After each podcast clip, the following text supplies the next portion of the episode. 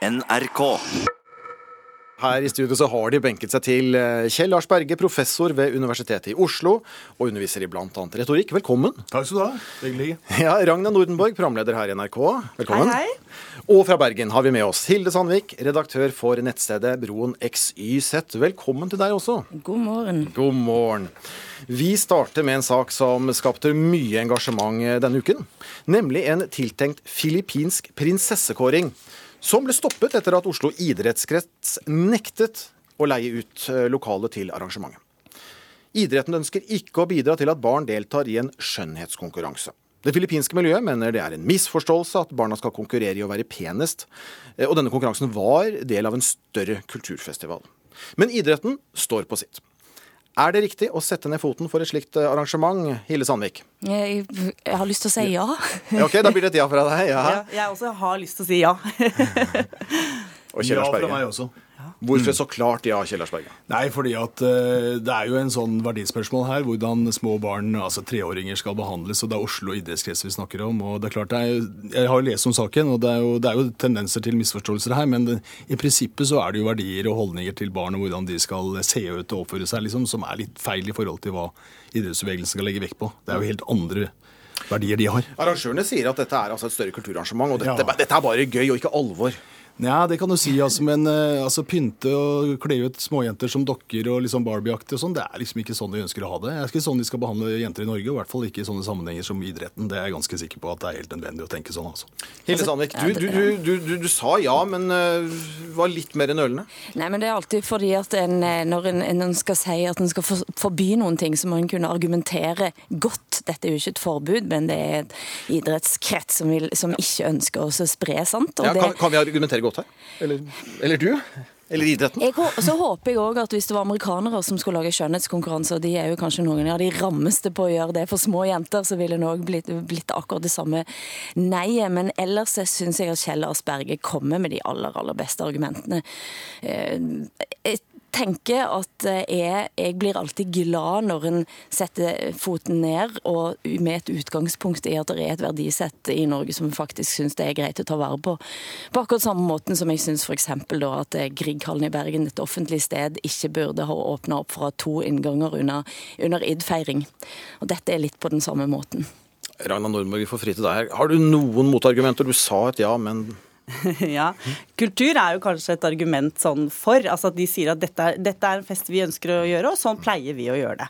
Eh, Men det er en, eh, det er en eh, veldig kjip ting, syns jeg, å, å, å legge kapitalen til kvinner i utseendet. Det er ikke noe Jeg syns ikke det er noe ålreit uansett. Så det å, det å si nei til at utseendet for små jenter er viktigere enn kanskje andre ting, altså som å lære seg å lese, lære seg å spille litt fotball. Eh, Jeg syns at det er feil signal, så jeg syns det er helt greit å si at det, det gjør vi ikke. Men jeg, jeg skjønte, så var det ikke bare utseendet. Her var det litt sånn å, å te seg og kle seg med, med, med filippinsk mote, med nasjonaldrakter. De fikk noen spørsmål. Eh, litt sånn etisk bevissthet. Så det var en sånn større ramme rundt det hele. Ja, Det høres ut som en god pottetrening holdt jeg på å si, til de store, de store eh, skjønnhetskonkurransene. Akkurat det de handler om, de også. Men i bunn og grunn så handler det om å være penest og søtest og, og gå penest. Men noe med idrett å gjøre har jo ikke dette her. altså Et sånt arrangement har jo ingenting i idretten å gjøre, for å se det rett ut. altså. Altså Vil de ha et sånt arrangement, så kan de gjøre det privat, syns jeg. altså. Og da er det jo ingen som legger seg opp i det.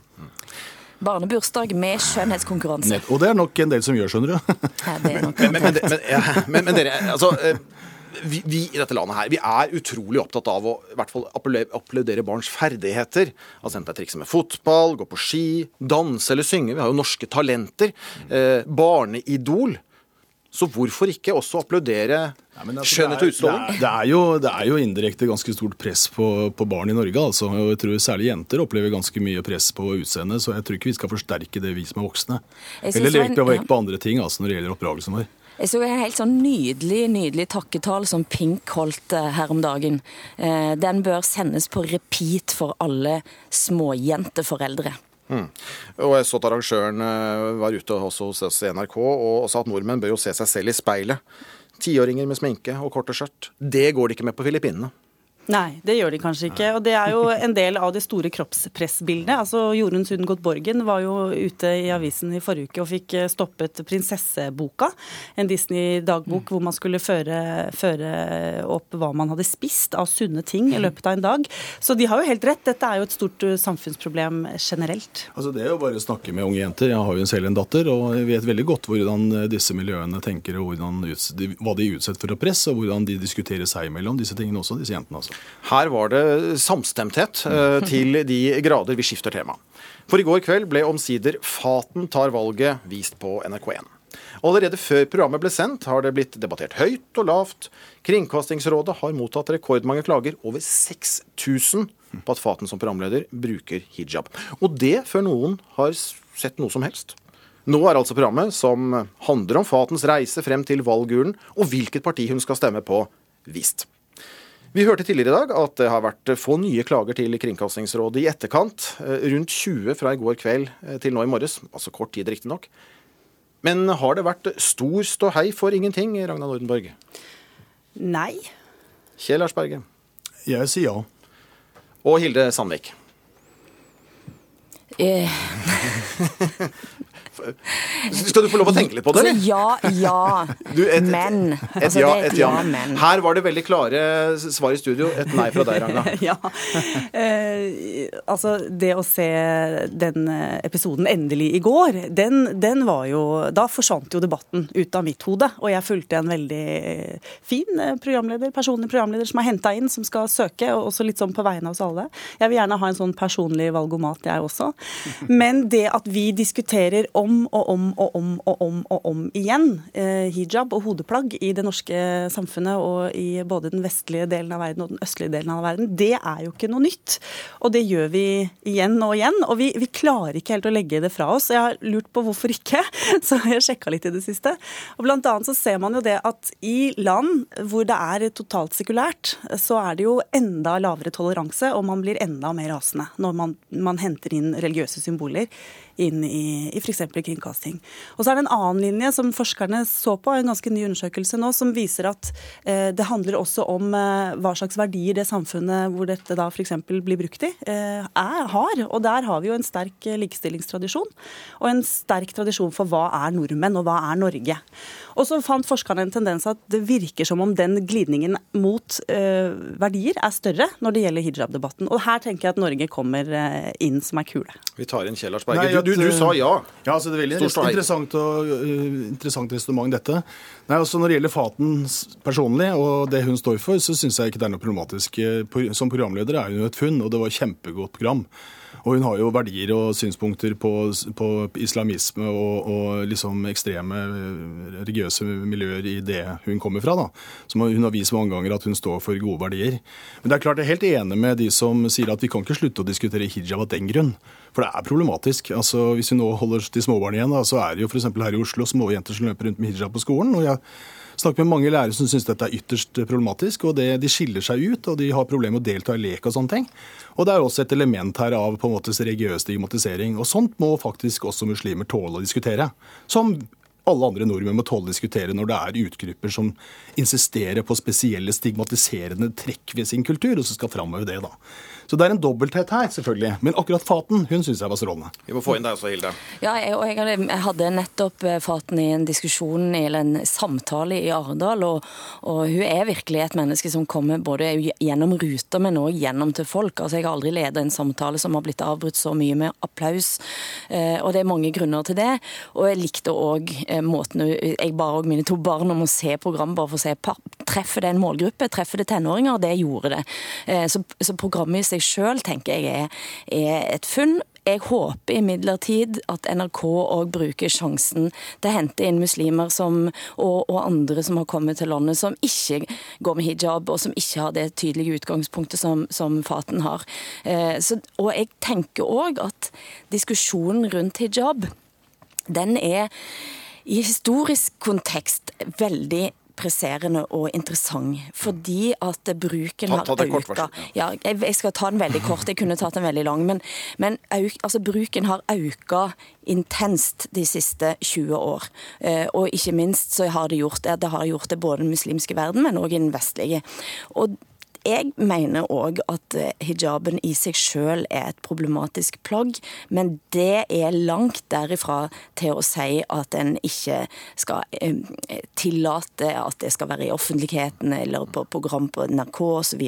Men en kan gjerne diskutere det likevel. Ja, og Dette programmet har jo fått vist at det er en debatt rundt, rundt hijab. Men som Hilde Sandvik sier, Men- neste, neste, bare, bare så neste gang jeg må ha med Kjell Lars og, og Ragnar her kort til slutt eh, nå. Eh, neste gang man skal velge, bør man da ta en muslim uten hijab, eller f.eks. en ung kristen velger med kors? Ja, akkurat, det, akkurat det med kristne det tror jeg har det ganske godt og greit. Altså. Men, men, eh, men eh, det er helt klart at uh, muslimske miljøer, særlig muslimske jenter, der må vise bredden. Det er ingen tvil om. Du vet hva, dere? Det går så fort i, i godt lag, så vi må avslutte dagens fredagspanel med den nye nettavisen Resett, som ble lansert denne uken. Hensikten er å gjenreise realismen i norsk debatt og nyhetsdekning. For det er mange viktige temaer og synsvinkler tradisjonelle medier ikke bryr seg om, mener Helge Lurås. Som har med seg bl.a. finansmann Øystein Stray Spetalen på eiersiden. Vi må være litt korte her. Eh, trenger vi en slik ny stemme i mediefloraen, Hilde Sandvik?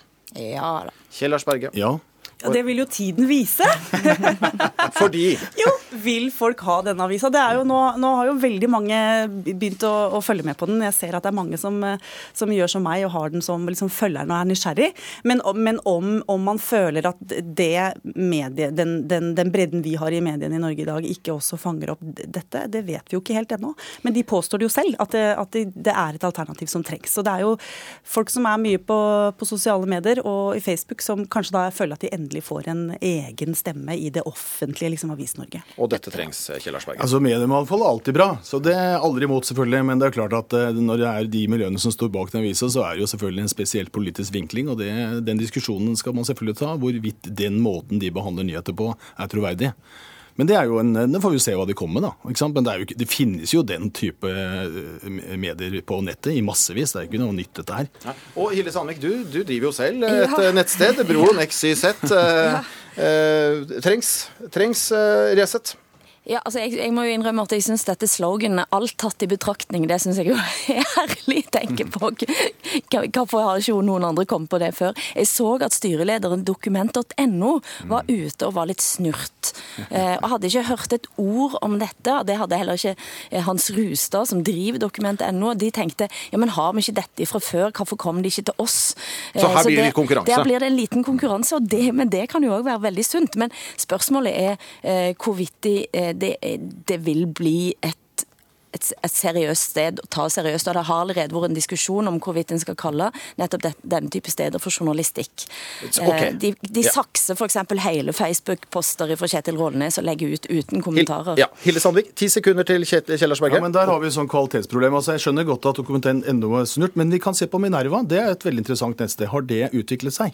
Og Ragna, ti sekunder. Ja, kanskje vi får amerikanske tilstander. At eh, det ikke lenger er en nøytral såkalt eh, presse, men at det blir nå en ny motpolarisering i, i nyhetsbildet og mediebildet. Vi får avslutte med, kommer, vi får avslutte med de amerikanske tilstandene. Vi får se. Veldig godt poeng, forresten. Dere, takk for at dere kom i studio. Kjell Lars Berge, Ragna Nordenborg og Hilde Sandvik var vårt fredagspanel. Nyhetsmorgen fortsetter. Ida Creed. Ja, etter Dagsnytt så skal vi møte rike SV-onkler på barnehagebesøk. Og i dag går startskuddet for skattefri flytting i aksjefond. Vår økonomireporter skal fortelle deg mer om det, for det kan jo gjelde deg.